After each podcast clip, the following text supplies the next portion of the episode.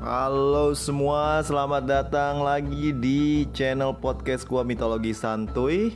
Musik yang lu dengerin sekarang adalah musik tradisional Yunani. Dan hari ini kita bakalan jalan-jalan ke Athena, ibu kota dari para dewa Yunani dan juga para filsuf dan suflaki dan Greek yogurt dan berbagai macam makanan enak lainnya yang bikin gua kangen dan selalu pengen balik ke sana. Anyway, welcome ke episode bonus dari season pertama Mitologi Santuy, Jalan-jalan ke Athena.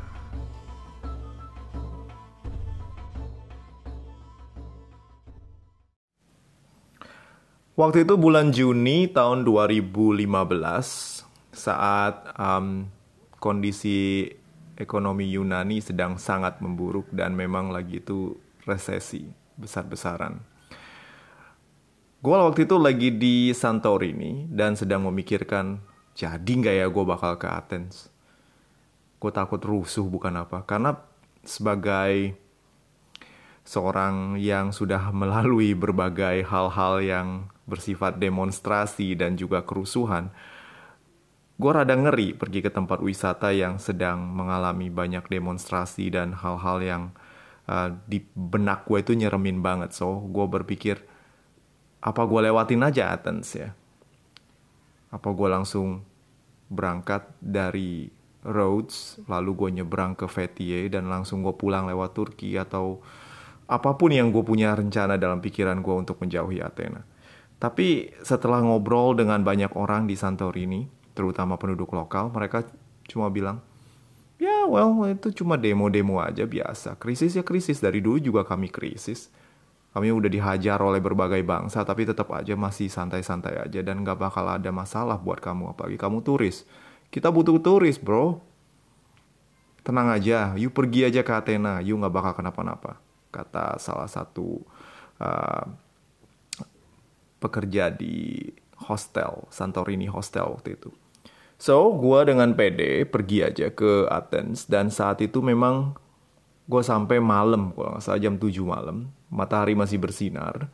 Dan hal pertama yang bikin gue kaget adalah ketika gue nyampe di airport, wah, gue mesti pergi ke daerah Monastiraki, yaitu salah satu tempat yang memang kawasan backpacker buat para turis.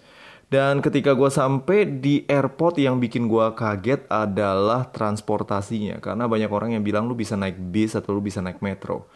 Dan yang gue pikir pada saat itu yang paling cocok adalah naik metro. So, gue pergilah dan ketika gue mau beli tiket, loketnya ditutup dan semua orang berjalan begitu saja melewati tanda, melewati loket dan juga tak ada pemeriksaan sama sekali dan gue akhirnya naik metro dengan gratis tanpa bayar speser pun.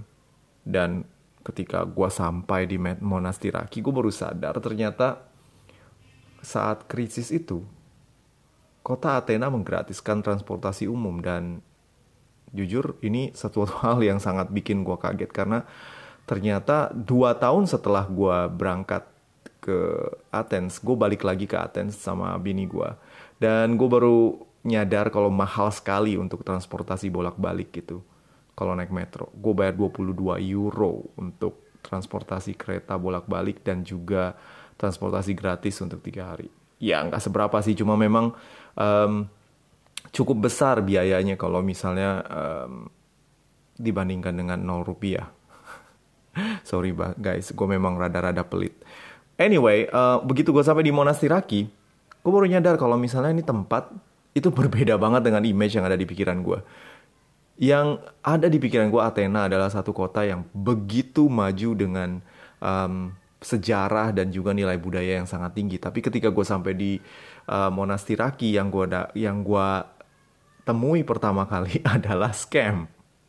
Ada beberapa orang dari pria Afrika yang tiba-tiba nawarin gue sesuatu, nepok pundak gue lalu, halo brother, where you going? And berusaha nanya-nanya gue mau pergi ke mana. Cuma memang karena gue udah tahu gue mau ke mana dan kebetulan uh, saat itu gue nih gue tinggal di satu hostel namanya Athens Style deket banget sama Monastiraki uh, metro station jadi gue jalan dan menghiraukan aja dan gue ngeliat ada beberapa orang turis yang memang kena scam juga yang tengah berantem juga berantem mulut sama sang scammer yang ujung-ujungnya juga harus dikasih uang. Nah gue gue dapat kesan yang cukup buruk. Belum cuma bukan cuma itu tapi juga banyak bangunan um, neoklasikal yang di sini itu penuh dengan coretan-coretan grafiti. Dan banyak jalan terutama di dekat hostel gue tuh yang rada gelap dan juga lampunya itu baru nyala kalau misalnya lu lewat.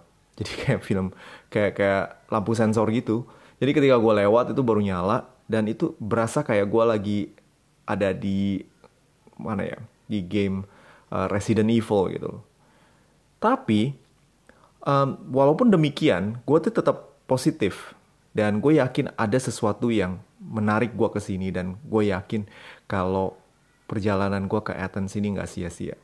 So abis gue check in dan taruh tas gue di hostel, lalu gue cari makanan.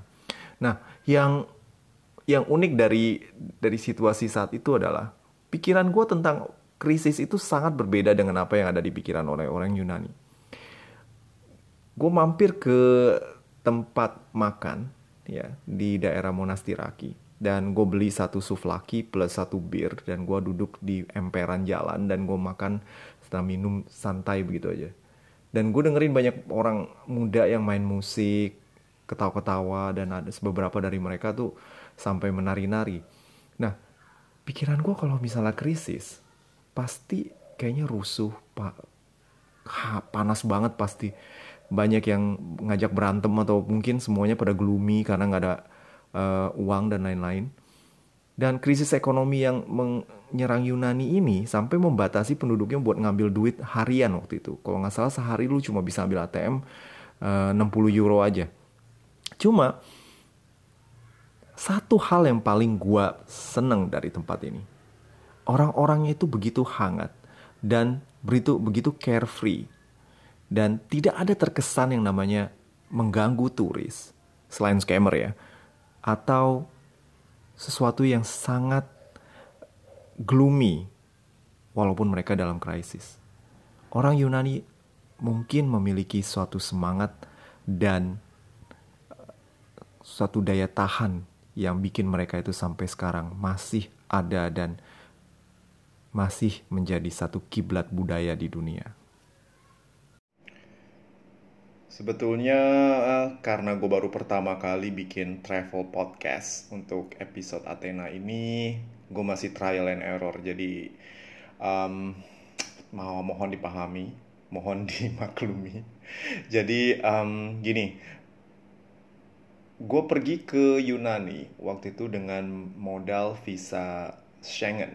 Ya, visa Schengen itu visa yang bisa lu dapetin kalau misalnya lu daftar di salah satu dari negara-negara yang uh, tergabung dalam wilayah Schengen. Dan kebetulan waktu itu gue coba pakai Itali karena kalau mau lewat Yunani, gosipnya yang beredar waktu tahun 2015 itu agak ribet karena lu mesti menyertakan surat keterangan kerja. Oh, tunggu, bukan keterangan kerja yang susah. Tapi uh, pajak, dus mesti dilegalisir dan lain-lain yang menurut gue lebih uh, ribet daripada ngurusin yang di Itali dan gue berhasil dapetin yang dari Itali dan gue pergi ke Yunani lewat Itali. So sebelum pergi ke Yunani, gue jalan-jalan dulu di Itali sampai ke Cinque Terre dan dari sana gue naik um, naik pesawat kalau nggak salah waktu itu Ryanair uh, ke Santorini ke Santorini ya dari Santorini gue baru lanjut ke Rhodes dan dari Rhodes gue naik pesawat lagi Ryanair. Anyway, um, hal yang perlu gue tekani di sini, lu nggak ada direct flight dari Jakarta ke sana atau dari Indonesia ke Athens yang gue tahu. Tapi kemungkinan kalau misalnya sekarang uh, lu mau pergi ke sana, lu bisa lewat um, maskapai penerbangan yang cukup murah yaitu Scoot Airlines yang kadang promonya lumayan tapi karena sekarang lagi situasi covid gue juga nggak tahu bagaimana kelanjutan dari penerbangan uh, Singapura ke Athens ini tapi dulu itu merupakan cara yang paling gampang untuk pergi ke Yunani dari Asia Tenggara terutama kalau lu pengen dalam apa ya biaya yang budget yang murah karena pesawatnya ini memang budget airline jadi lu nggak bakal dapat service macam kayak lu naik uh, full service airline. Um, untuk minum atau untuk makan aja lu mesti nambah lagi cup. Tapi kalau misalnya lu bisa you know I mean um, stay di pesawat tanpa segala kemewahan tersebut ya mungkin lu bisa hemat cukup banyak nah um, ketika lu sampai di airport uh, transportasi yang bisa lu pakai itu lu bisa pakai bis taksi atau uh, metro. Kalau misalnya lu mau hemat, mungkin tinggal naik bis dan di sini ada di airport dan berangkat kurang lebih setengah atau satu jam uh, dari airport menuju kawasan Sintagma, yaitu tempat gedung pemerintahan uh, Yunani, kantor presiden juga. Anyway, um, kalau lu pakai metro, lumayan. Metronya ini modern banget dan smooth dan menurut gua nggak kalah sama MRT Singapura dan sekitar sejam lebih lu bakal sampai di kawasan Monastiraki atau kalau misalnya lu nginepnya daerah Akropolis lu bisa ke stasiun Akropolis apalagi ya um, oke okay. dari Athens lu juga bisa pergi ke berbagai pulau di uh, Yunani mau ke Rhodes atau lu mau pergi ke Santorini atau mau pergi ke Mykonos atau pulau-pulau lain dengan numpang ferry dan lu bisa beli uh, tiket ferinya di Athens atau misalnya lu bisa ke website juga. Cuma kalau misalnya lu beli di website Blue Star Ferry ya ferry yang lumayan bagus dan gue pernah cobain sekali. Wah enggak wait beberapa kali bukan sekali. Dan Blue Star Ferry ini uh, cukup aneh sih menurut gue untuk di zaman sekarang ini. Uh, lu beli secara online tapi nanti ketika sudah dapet lu mesti bayar biaya cetak di kantornya jadi kalau lu udah dateng lu bawa email uh, lu kasih lihat emailnya nanti dia cetakin dan lu bayar uang kalau nggak salah satu euro something tapi um, perlu apa nggak booking kalau menurut gue sih kalau lu cuma dapet yang kursi ekonomi nggak usah lah booking bookingan karena um, anyway uh, naik ferry di Yunani itu asal lu udah bisa masuk lu bisa duduk di bagian mana aja yang um, contohnya kayak gini bukan bagian mana aja tapi uh, lu bisa stay di restoran lu bisa tidur tiduran di sana bisa duduk duduk atau mungkin kalau lu kuat tahan sama angin malam lu bisa uh, duduk di bagian uh, kabin luar ya. Oke okay, itu tentang transportasi dan apalagi ya? Oke okay sebelum gue masuk ke topik yang lain um, di Yunani ini kita pakai uang euro sama seperti wilayah lainnya. Dan kalau dari Yunani lu mau pergi nyebrang ke Turki lu bisa lewat uh, ferry dari beberapa pulau. Contohnya kalau misalnya lu mau pergi ke Turki lewat Rhodes Pulau Rhodes lu bisa naik um, ferry ke Fethiye. Terus kalau waktu itu gue pernah pakai uh, ferry dari Santorini gue nyebrang ke Kos dari Kos gue nyebrang ke Bodrum naik ferry juga. Lumayan uh, bisa dapat ngerasain kayak naik kapal Titanic gitu karena kapalnya itu bukan kapal abal-abal tapi kapalnya lumayan bagus. Cuma kalau misalnya lu beli tiket ekonomi ya lu nggak dapat seat kecuali lu beli tiket ekonomi yang ada seat ya itu kalau lu paket bagian murah. Tapi beneran deh mendingan lu beli tiket ekonomi. Kalau lu pelit ya macam gua um, lu bisa beli tiket ekonomi yang tanpa seat. Karena lu bisa duduk di sofa uh, restoran atau cafe dan lu bisa tidur tiduran di sana. Karena gue pernah nyobain gue tidur di sana dan kebanyakan orang juga seperti itu. Oke okay, apalagi? Uh, oke okay deh. Nah itu kan gue selingi ya nah itu transport nanti gue lanjut lagi dengan yang lain Oke, okay, pagi menjelang di Athens dan gue bangun di hostel gue yang menghadap ke Parthenon atau Akropolis. Akropolis itu bukit tempat kuil Parthenon berada. So, gue bangun dan itu sekitar jam 7 pagi or something. Dan gue baru menyadari kalau Athens itu ternyata panas banget. Banget. Super panas. Apalagi kalau pergi musim panas. Pagi aja gue keluar setelah mandi gue udah badan gue udah keringetan banget. Dan um, karena gue belum mengetahui ada apa di sekitar sini kemudian gue jalan keluar dan gue sampai di Monastiraki Square. Nah gue baru menyadari karena tadi malam gelap ternyata di sini ada satu gereja yang arsitekturnya tuh Bizantin atau Romawi Timur. Nah gereja orang Yunani di sini itu gereja ortodoks. Jadi salah satu cabang kekristenan yang cukup tua, yang sang, yang mungkin paling tua dari antara uh, yang lain. Dan di sini uh, kebanyakan penduduk Yunani itu memang beragama Kristen ortodoks. Nah, um, kesan pertama yang gue dapet setelah gue mendapatkan sinar matahari dan bisa melihat sekeliling, gue sadar kalau misalnya Athens ini mirip sekali dengan uh, Naples ya. Uh, salah satu kota di Italia yang terkenal um, kaya budaya cuma memang berada dalam kondisi yang cukup memprihatinkan yaitu banyak sekali grafiti dan sampah. Di sekitaran Monastiraki ini banyak bangunan yang cukup unik sebenarnya bangunan-bangunan tua yang cukup ber um, gimana ya cukup bersejarah gitu banyak bangunannya itu yang usianya lebih dari 50 tahunan tapi um, jeleknya banyak orang yang suka nyoret-nyoretin tembok. Dan banyak bangunan tua yang dalam kondisi um, direparasi tapi karena krisis tapi jadi nggak dilanjutin.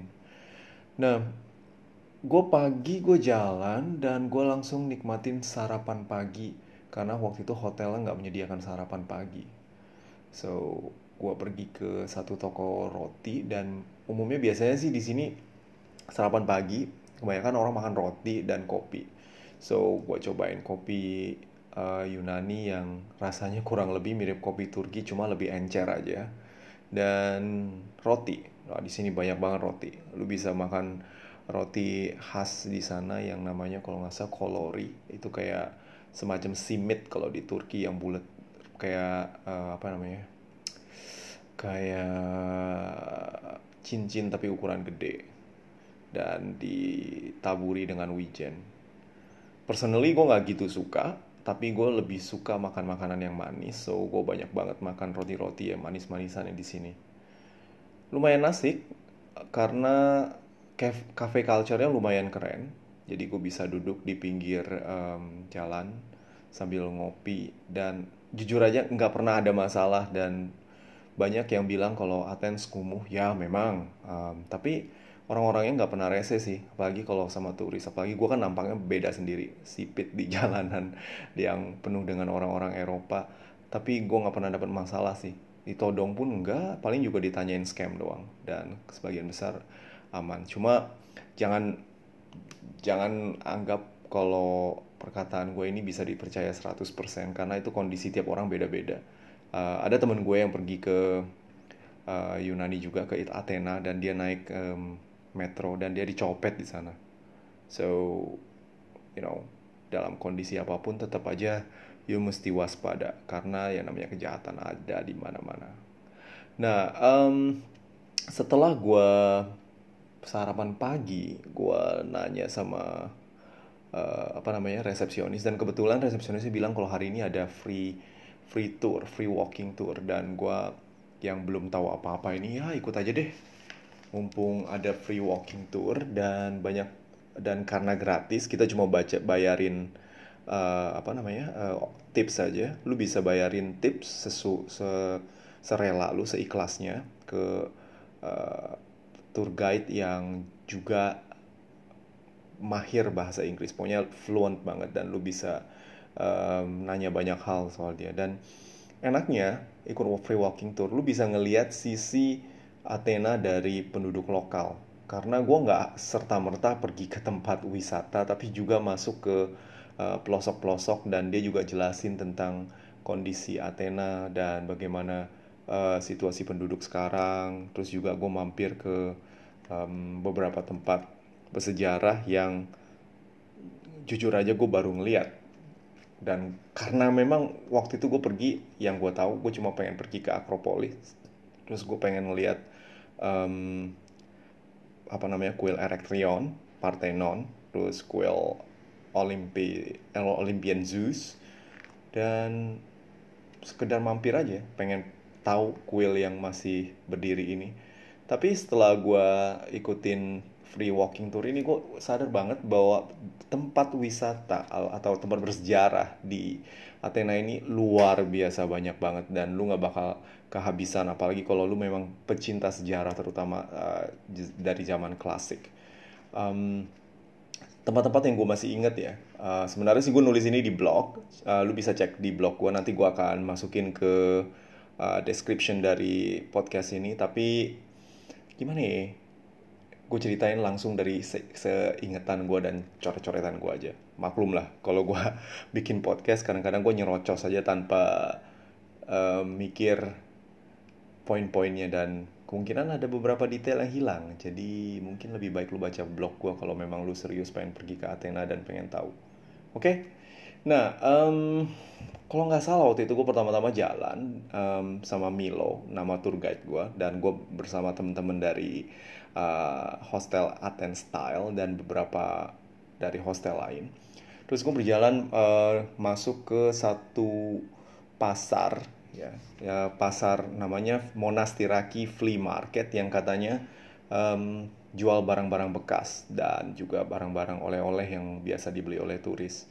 So gue mampir ke jalanan sini dan memang banyak banget yang jual barang-barang bekas dan juga di sini lu bisa beli kayak apa ya uh, baju.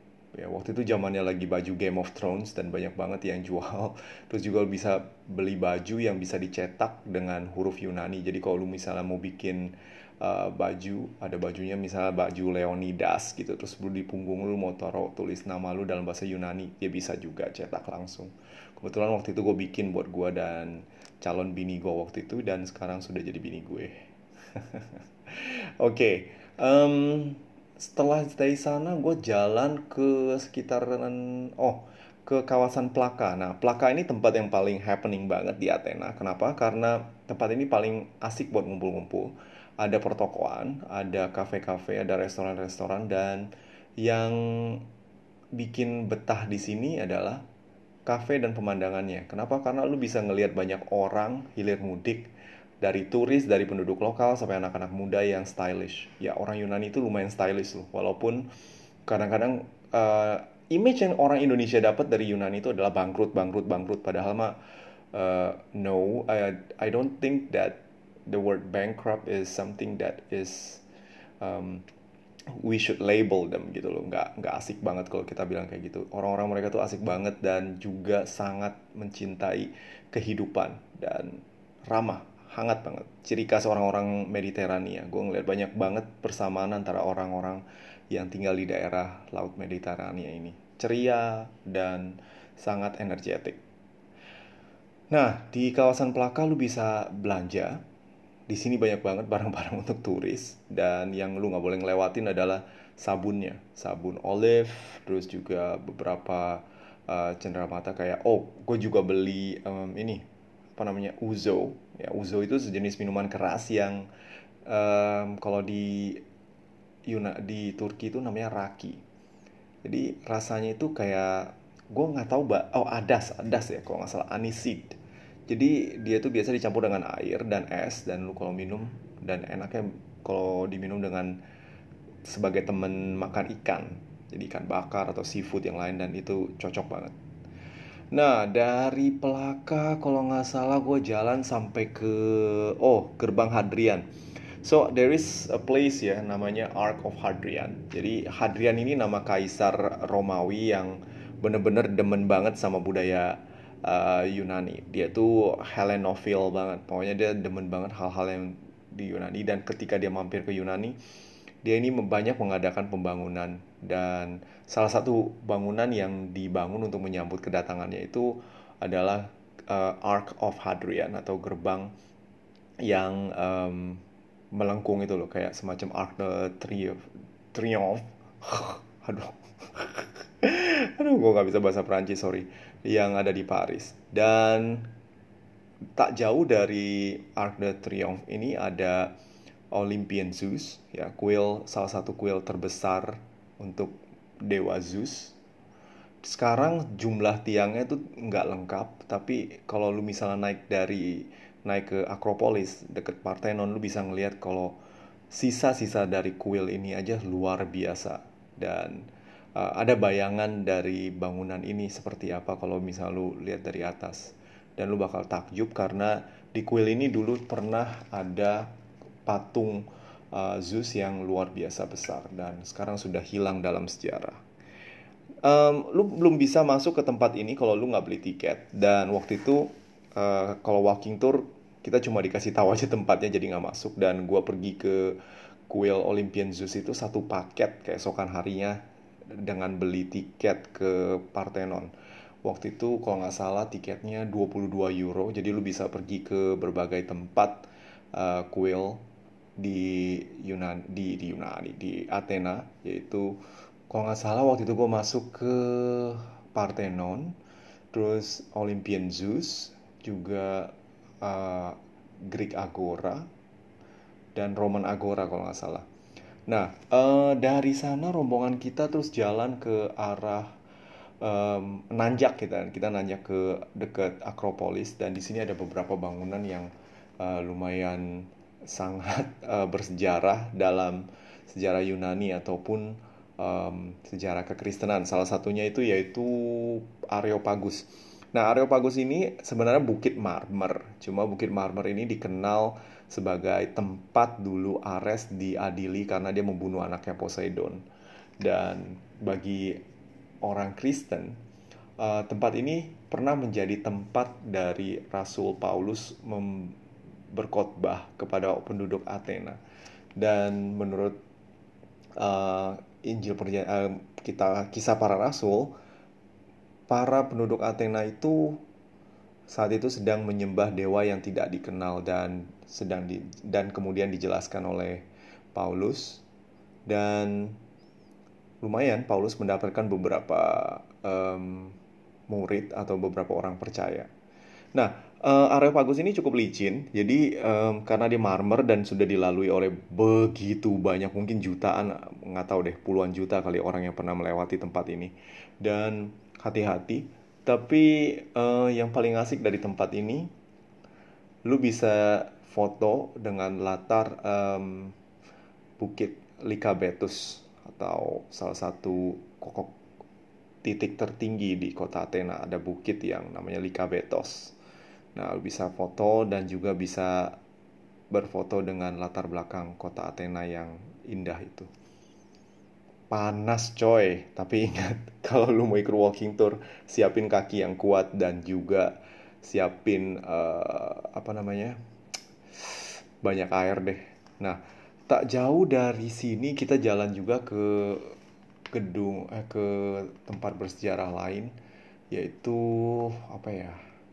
Um, Sintagma, kita pergi ke Sintak. Oh, jangan ke Sintagma dulu, belum belum belum. Kita ke Penix. Penix itu tempat lahirnya demokrasi yang pertama. Jadi penduduk Yunan uh, Athena ini dulu sering berkumpul untuk um, menyatakan pendapat mereka tentang uh, suatu keputusan politik. Jadi tempat lahirnya demokrasi. Anyway, uh, setelah itu gue ke mana lagi ya? Punya banyak deh. Um, yang gue ingat uh, kita juga mampir ke Odeon of Herodes Atticus. Nah, ini gedung pertunjukan. Jadi di sini ada semacam uh, lu kalau pernah ngelihat gedung teater Romawi yang bentuknya melengkung, lu bakal ya inilah namanya Odeon. Cuma dia bentuknya lebih kecil. Nah, gedung teater ini sekarang masih bisa dipakai untuk beberapa konser dan sering sekali dipakai untuk konser musim panas, terutama buat malam hari waktu gue ke sana memang ada satu konser uh, musik klasik tapi gue nggak pergi karena well you know gue pelit. Dan gue nggak gitu suka uh, keluar malam. Yeah alright. Anyway um, setelah gue jalan-jalan sekitaran juga gue pernah gue gue mampir juga. Uh, kita dibawa juga ke toko yogurt. Uh, Greek yogurt ini enak banget karena kental dan dia juga banyak topping kalau nggak salah lokasinya ini deket sama Roman Agora. Dan ketika gue mampir ke sana gue makan yang rasa apa ya? Oh wait. Oh yang pakai madu dan enak banget. Sebenarnya sampel cuma karena gue sampelnya udah enak dan gue langsung beli lagi yang lain sama seperti yang lain semua. Anyway uh, itu mungkin semacam uh, promosi ya. Dan setelah mereka semua pulang eh selesai gue kasih tip. Dan lu bisa kasih tip seberapa aja sih sebenarnya. Cuma gue nggak gue nggak berani kasih tahu gue kasih berapa. Karena um, tiap orang pasti beda-beda ngasihnya tergantung dari kepuasan. Dan setelah bubar um, gue mampir ke museum Akropolis. Karena pikiran gue gini setiap kali gue mau pergi ke tempat sejarah gue mesti pergi ke museumnya dulu. Karena begini tempat-tempat atau situs-situs bersejarah itu kebanyakan tempatnya di eh, kebanyakan eh, benda-benda berharganya seperti patung atau uh, fragmen yang yang yang penting itu biasanya sudah dipindahkan ke museum karena kondisinya yang fragile banget. Jadi uh, banyak patung-patung yang ditemukan di Yunani itu atau di Athena ini banyak banget yang ditaruh di museum Akropolis.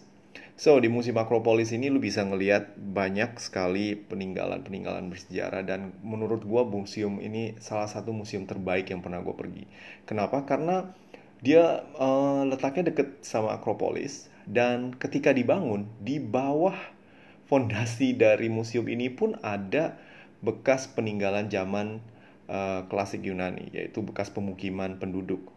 Jadi lu bisa ngeliat uh, sekarang sekarang udah ditutup dengan kaca jadi kita bisa berjalan dengan lantai kaca di bawahnya itu uh, adalah bekas pemukiman kuno.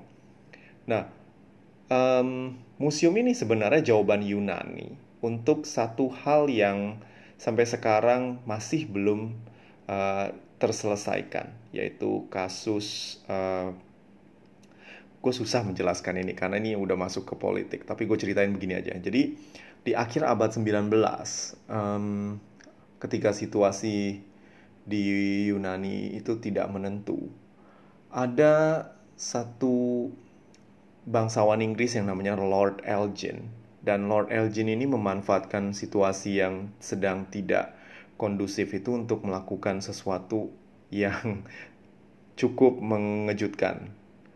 Nah, Lord Elgin itu membongkar beberapa bagian dari kuil Erection dan mengambil uh, salah satu dari um, patung marmer yang namanya Karyatid. Jadi Karyatid itu perempuan yang berfungsi sebagai tiang penyangga dari kuil tersebut.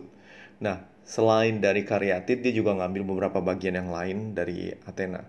Dan sekarang lok lokasinya tuh tempat dari Karyatids dan beberapa marble yang dicuri dicuri tanda kutip ya oleh Lord Elgin ini sekarang dia ada di Museum London. Ya the British Museum.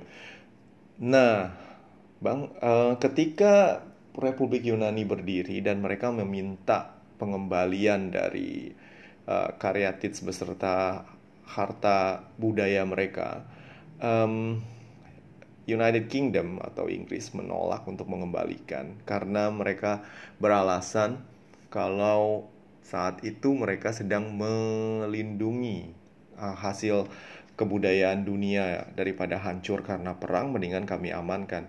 Tapi ketika bang uh, ketika dihadapkan dengan jawaban seperti ini bang uh, bangsa Yunani mendirikan satu museum yang sangat layak untuk menampung karyatid dan juga marble tersebut. Cuma yang terjadi adalah um, ditolak mentah-mentah juga sampai sekarang dan masih tarik ulur entah apakah mereka bisa dapat lagi atau enggak itu hanya waktu yang akan bicara. Oke, okay, um, di museum ini juga lu bisa nikmati pemandangan. Uh, oh, kok langsung pemandangan. Nah, di museum ini banyak sekali patung-patung dewa-dewi Yunani. Dari Apollo, Hera sampai ke uh, patung-patung dewi dewa-dewi kecil yang lu mungkin nggak kenal. Ada semua di sini. Dan harta yang paling berharga memang adalah karyatid yang sekarang uh, keseluruhannya kecuali satu di Inggris sana uh, disimpan. Yang ada di Akropolis ini sudah jadi merupakan apa replika saja. Kalau yang di Akropolis yang asli ada di museum. Di sini juga kalau lu misalnya pengen nikmatin sunset, lu bisa pergi ke uh, kafenya dan menikmati pemandangan sunset untuk Akropolis yang luar biasa. Menurut gue cakep banget kalau lu datang sunset. Oke, okay, um, setelah ini lo kalau malam lu bisa jalan-jalan di sekitaran Monastiraki atau Sintagma yang keren. Dan kalau lu pengen menikmati suasana atau pengen melihat pemandangan uh, pergantian penjaga, lu bisa juga pergi ke Sintagma Square. Ya di sana ada kantor par parlemen atau mungkin kantor presiden, gue lupa juga. Dan di sini lu bisa ngelihat pergantian penjaga yang super slow, super slow, slow, slow motion. Sampai bini gue pas lagi ngeliat bagaimana pergantian ini, kok kenapa mereka harus lama seperti itu? Kalau gue bilang nah, mungkin karena um, mereka pengen kelihatan hikmat. Jadi ada prajurit peng, uh, penjaga bangunan tersebut yang um, akan bergantian dan mereka melangkah dengan super slow. Dan ini menjadi tontonan bagi para turis dan juga penduduk lokal. Anyway, um, setelah itu ya lu mungkin abis itu bisa lu jalan-jalan ke sekitaran Plaka dan makan. Ah, untuk makan Um, ada satu restoran yang gue saranin banget namanya Otanasis. Dia letaknya di Monastiraki Square. Ini tempat mantep banget. Kenapa? Karena makanannya enak-enak dan harganya tuh relatif murah.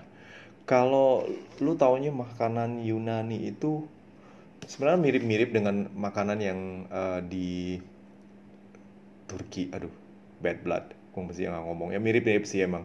Cuma um, di sini lu bisa ada mereka juga karena mereka Kristen mereka bisa makan babi jadi teman-teman Muslim kalau misalnya ke sini uh, make sure lu lu makan di tempat yang halal yang ada lambang halalnya ada juga beberapa tempat restoran Turki di sini tapi mungkin tidak banyak ya tapi uh, kalau misalnya memang tidak ada lu mungkin pergi ke tempat yang vegetarian atau pilih ayam aja dan kebetulan memang gue nggak suka babi banget jadi gue makan ayam.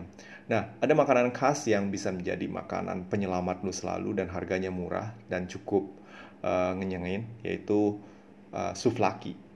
Jadi suflaki itu sebenarnya uh, roti pita yang dalamnya itu ada bawang, ada sayuran, terus ada daging sate ya, sate panggang, sate ayam atau babi yang di kemudian dilepas dari tusuknya dan dimasukin ke situ. Dikasih saus tzatziki kalau nggak salah. Dan jangan nanya soal cabe di sini, lu nggak bakal dapet kayak sambal yang ada di Indonesia. Yang lu dapat bakalan cuma bubuk cabe. Jadi rasanya kalau lu bawa sambal sendiri mungkin lebih masuk ke lidah. Tapi gue oke-oke aja dan gue suka.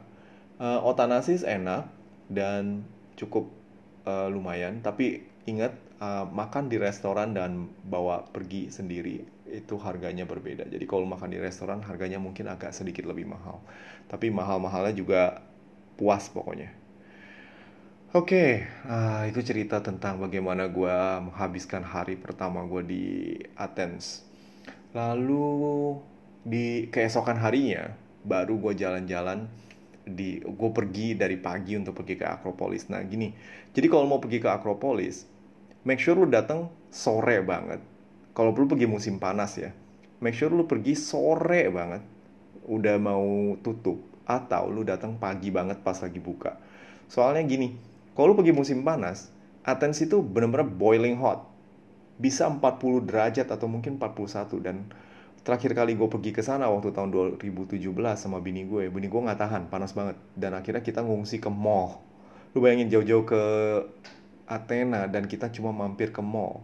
Tadinya gue niat pengen pergi ke atas Akropolis, cuma memang nggak tahan. Panasnya luar biasa dan bikin puyeng. So, um, make sure lu datang pagi. Nah, waktu itu gue um, ke Akropolis. Dari jam setengah 8 gue udah di depan pintu walaupun belum buka. Jadi pas lagi buka gue langsung masuk dan naik ke atas.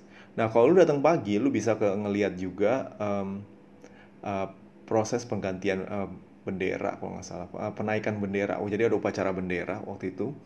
Uh, ada prajurit Yunani yang memasang bendera bendera Yunani di Akropolis nah hal-hal yang bisa lu lihat di Akropolis adalah tentu pertama lu bakal jalan nanjak. Dan yang bisa lu lihat pertama kali mungkin adalah Odeon of the Herodes Atticus. Dan lu bisa ngeliat itu lalu ketika udah sampai di puncak dari uh, Akropolis lu bisa disambut oleh satu gerbang yang Poripolea kalau nggak salah namanya. Dari situ lu bisa masuk untuk bertemu dengan dataran Akropolis yang ada beberapa kuil di sini. Nah, kuil yang paling besar adalah uh, kuil Parthenon. Jadi kuil Parthenon ini dulu termasuk salah satu kuil eh keajaiban uh, dunia kuno menurut uh, siapa itu? Hmm, Herodotus, yes, Herodotus. So, kalau lu punya uh, semacam kayak goal checklist untuk mengunjungi keajaiban dunia, kuno, lu bisa pergi ke sini untuk menyelesaikan checklist lu. Kebetulan gue udah berapa ya? Empat kali, empat ya, empat yang gue pernah checklist. Gue pernah pergi ke kuil Athena, kuil Artemis Ephesus, gue pernah ke Halicarnassus di Bodrum, terus gue pernah juga ke Rhodes. Jadi udah empat, ya lumayan lah dari tujuh. Nah, uh, ketika lu sampai di dataran ini, lu bisa ngelihat satu kuil besar yang kuil Parthenon yang memang dibangun oleh um, penduduk Yunani untuk menyembah Dewi Athena. Konon, um, gue udah pernah cerita ini di kisah yang uh, Athena atau Poseidon tentang bagaimana uh, kedua dewa dewi, dewi ini merebutkan pengaruh di di daerah ini dan yang kemudian dimenangkan oleh Athena walaupun penduduk sekitarnya juga masih menghormati Poseidon. Jadi uh, kuil Erection itu juga dipak yang ada di samping ya di salah satu bagian dari Akropolis itu juga dipakai untuk menyembah uh, Poseidon. Konon dulu ketika uh, terjadi kontes perebutan pengaruh antara Poseidon dan Athena, um, Poseidon ini menghujamkan uh, apa namanya trisulanya ke bukit Akropolis dan keluar air. Dan katanya di situ waktu dulu masih ada airnya. Dan juga ketika Athena men, men, apa, mem, membuat atau menumbuhkan pohon zaitun di sana uh, pohon zaitunnya sekarang sudah beranak pinak dan masih ada di sana. Ada satu pohon zaitun yang masih berdiri. Dan konon ini adalah cicit dari uh, yang dibangun oleh yang diberikan oleh Athena kepada penduduk Athena waktu itu. Nah, kuil Parthenon ini sangat ringkih. Jadi uh, dulu tuh pernah dijadikan gereja dan pernah juga menjadi kayak tempat uh, tempat pasukan Turki dulu menyembunyikan uh, menyimpan mesiu. Jadi pernah terjadi ledakan yang mengakibatkan uh, bangunan ini cukup rusak ya.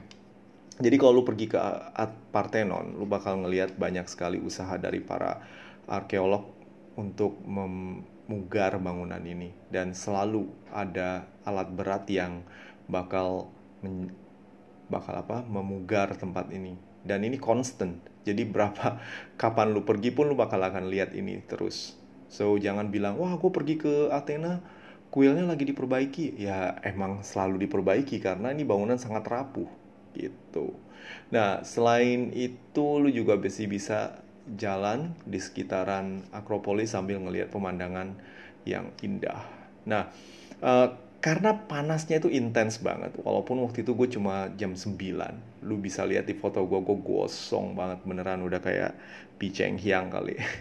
Dan gue jalan turun ke bawah dengan kondisi kehausan dan kelaparan.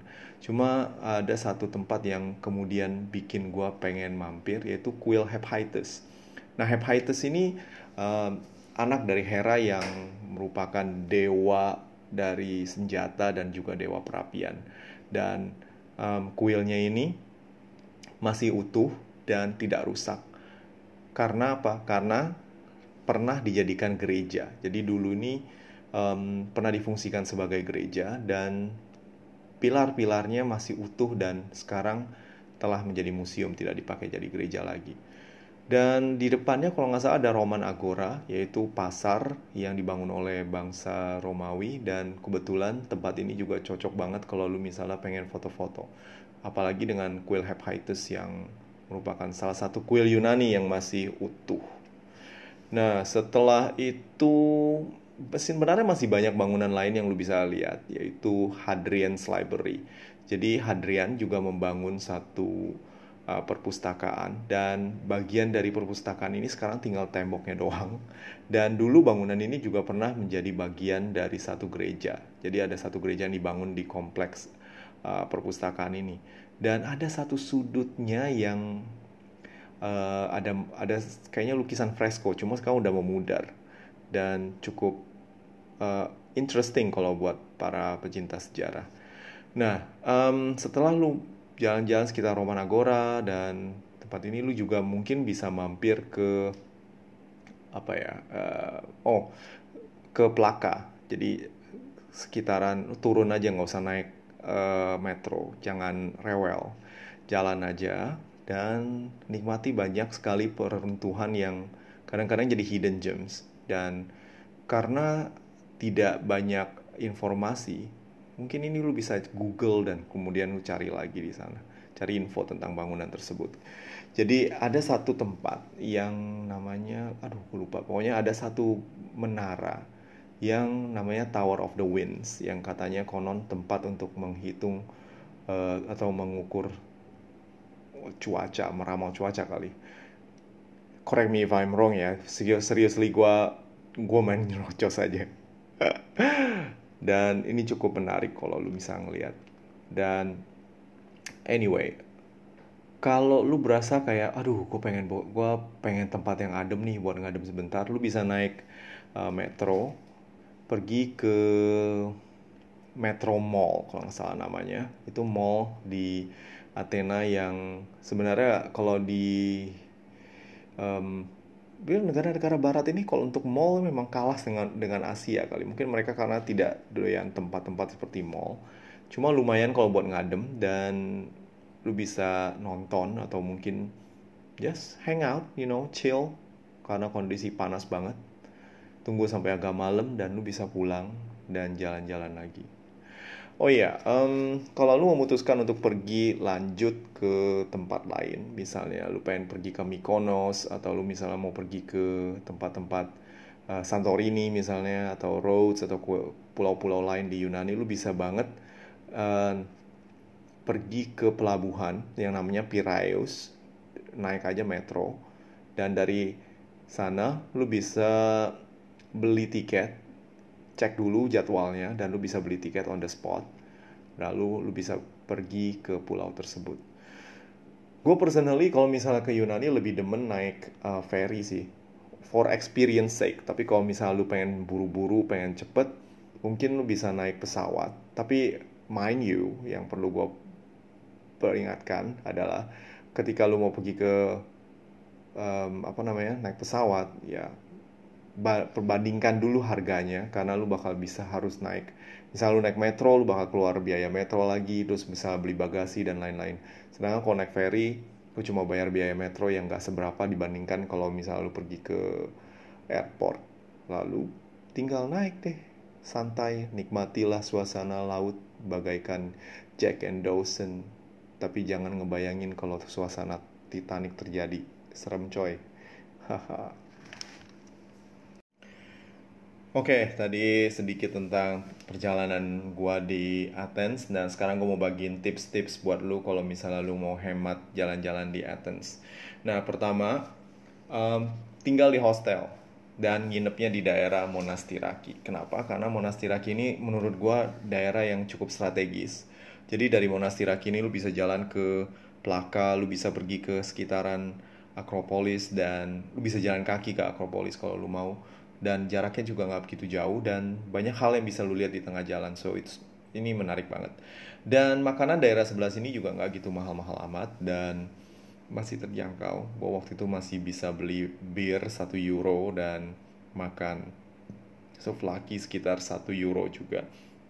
Dan tapi itu tahun 2015 ya sekarang udah 2020 so harganya mungkin sudah beda. Tapi nggak signifikan lah Anyway, um, ya setelah itu oh ya rekomendasi gue di sini kalau misal lu mau ke nginap di daerah hostel sini di Monastiraki lu bisa nginap di Athens Style. Nah yang gue suka dari Athens Style walaupun letaknya cukup doji um, dia ada uh, lantai atas yang open terrace yang lu bisa duduk-duduk santai sambil menikmati pemandangan dari Akropolis tips nomor dua yang bisa gue bagi buat lo adalah kalau untuk makan. Nah, um, kalau lo bener-bener pengen pelit banget nyimpen duit, um, mungkin lo bisa makan di restoran, uh, di takeaway. Jadi kalau lo misalnya pergi ke sana, lo bisa makan, jangan makan di restoran, langsung beli aja, bawa pulang, atau mungkin lo beli souvlaki atau kalamaki dan lo tinggal jalan aja beli beli take away jangan makan di restoran. Karena kalau lu makan di restoran harganya pasti lebih mahal. Oke apalagi? Oh gyros gyros. Jangan lupa makan gyros ya. Gyros enak loh.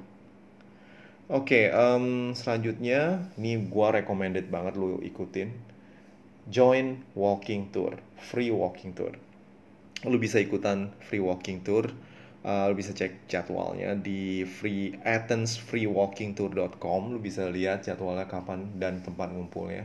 Ini uh, bermanfaat banget karena kalau misalnya lu pengen tahu tentang tempat-tempat di sekitaran Athens lu bisa ikutin aja nih free walking tour dan kalau lu bisa ngasih uh, tips uh, seikhlasnya dan percaya deh lu bakal dapat lebih banyak daripada lu kalau nyasar jalan-jalan sendirian tanpa uh, guidance tapi kalau memang misalnya joining a, a kind of a tour is not your thing, lu bisa juga um, baca buku dan buku yang gue sering pakai untuk Yunani itu bukunya Rick Steve dan juga buku Lonely Planet. Lu bisa baca-baca-baca dulu terus kalau untuk yang Rick Steve dia juga ada uh, audio guide dan lu bisa dengerin di uh, audio guide tentang tempat-tempat uh, di Athens yang lu pergi. Oke, okay, uh, eh, tips nomor tiga, bawa botol minum dan minum dari air keran. Nah, buat penduduk Indonesia yang emang kadang-kadang lu ngerasa kalau ih jijik kali minum air dari keran, tapi di Yunani dan Itali hampir selalu gue minum air keran dan gue nggak bermasalah sih perut gue nggak sensitif, jadi gue bisa minum dari keran tanpa gue harus beli botol air botolan. Gue beli air botolan itu cuma kalau misalnya terpaksa karena air gue habis Cuma uh, di beberapa tempat, misalnya di Akropolis di atas, itu ada keran yang bisa lu gunakan untuk mengisi air minum. Dan juga di TI atau tu, tu, apa, Tourist Information Center lu bisa juga dapat air. Uh, kalau nggak salah itu dekat loket uh, masuk ke Akropolis deh, ya. Anyway, um, dan lu juga bisa pergi ke beberapa tempat. Uh, tips nomor 5, lu wisata ke museum atau gereja kuno. Jadi di Yunani ini banyak museum yang juga gratis dan lu bisa masuk atau gratis atau minimum lah harganya murah. Uh, paling 5 euro lu udah bisa puas pergi ke beberapa museum. Contoh museum yang bisa pergi contohnya National Archaeological Museum, Byzantine and Christian Museum atau Museum of Greek Music Instrument. Ya ini yang gue pernah pergi juga sama rombongan Free Athens Style dan lu bisa pergi ke gereja kuno peninggalan Bizantium dan bisa ngeliat uh, apa mosaiknya. Contohnya gereja Pantanasa di Monastiraki yang gue lihat waktu pagi pertama kali gue di sana. Dan tips nomor 6 yaitu cuci baju sendiri. Kalau lu pengen hemat ya cuci aja sendiri karena kalau misalnya lu mau pakai laundry harganya lumayan 5 euro sekali load dan lu mesti bayar 2 euro lagi untuk dryer. Karena gue waktu itu travel light dan gue cuma bawa 3 setel baju gue cuci sendiri dan kemudian baju gue gue jemur di jemuran hostel. Dan lumayan sebentaran juga kering soalnya trik banget.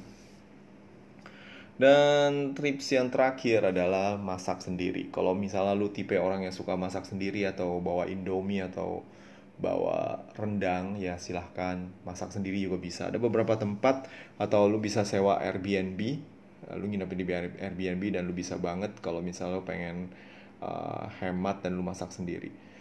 Belinya di mana? Ya lu bisa ke rumah ke apa? Ke supermarket atau ke toko-toko sekitar. Kalau lu mau murah pergi ke supermarket yang besar. Kayak apa namanya um, aduh gue lupa nama rest sama supermarketnya ada Carrefour ya. Dan lu bisa beli juga di Metro Mall. Di sana ada supermarket yang cukup besar dan bisa beli berbagai macam makanan di sana. Bahkan kalau lu hoki lu bisa ketemu Indomie kali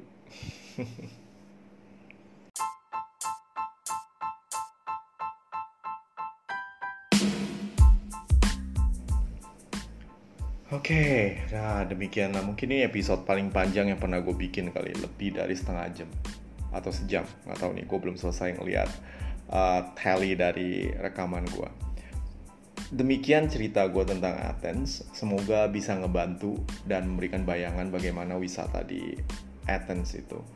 Uh, gue sadar ini gue baru pertama kali buat, jadi banyak banget kesalahan atau mungkin ada hal-hal yang bisa ditambah lagi. So next time, um, kalau lu tertarik mau ngebantu gue uh, atau mau kasih saran dan kritik lu bisa juga kirim uh, saran dan kritikmu ke email gue gurukelana007 at gmail.com atau lu bisa chat pribadi sama gue di Guru Kelana lewat Facebook, lewat YouTube atau Instagram gue. Oke, ini episode bonus yang pertama. Dan dengan ini selesai sudah season 1. Tak terasa gue udah bikin 18 postingan tentang mitologi Yunani untuk season pertama ini dan gue bakal lanjut lagi, tenang aja. So, see you di season kedua Mitologi Santuy. Sampai jumpa.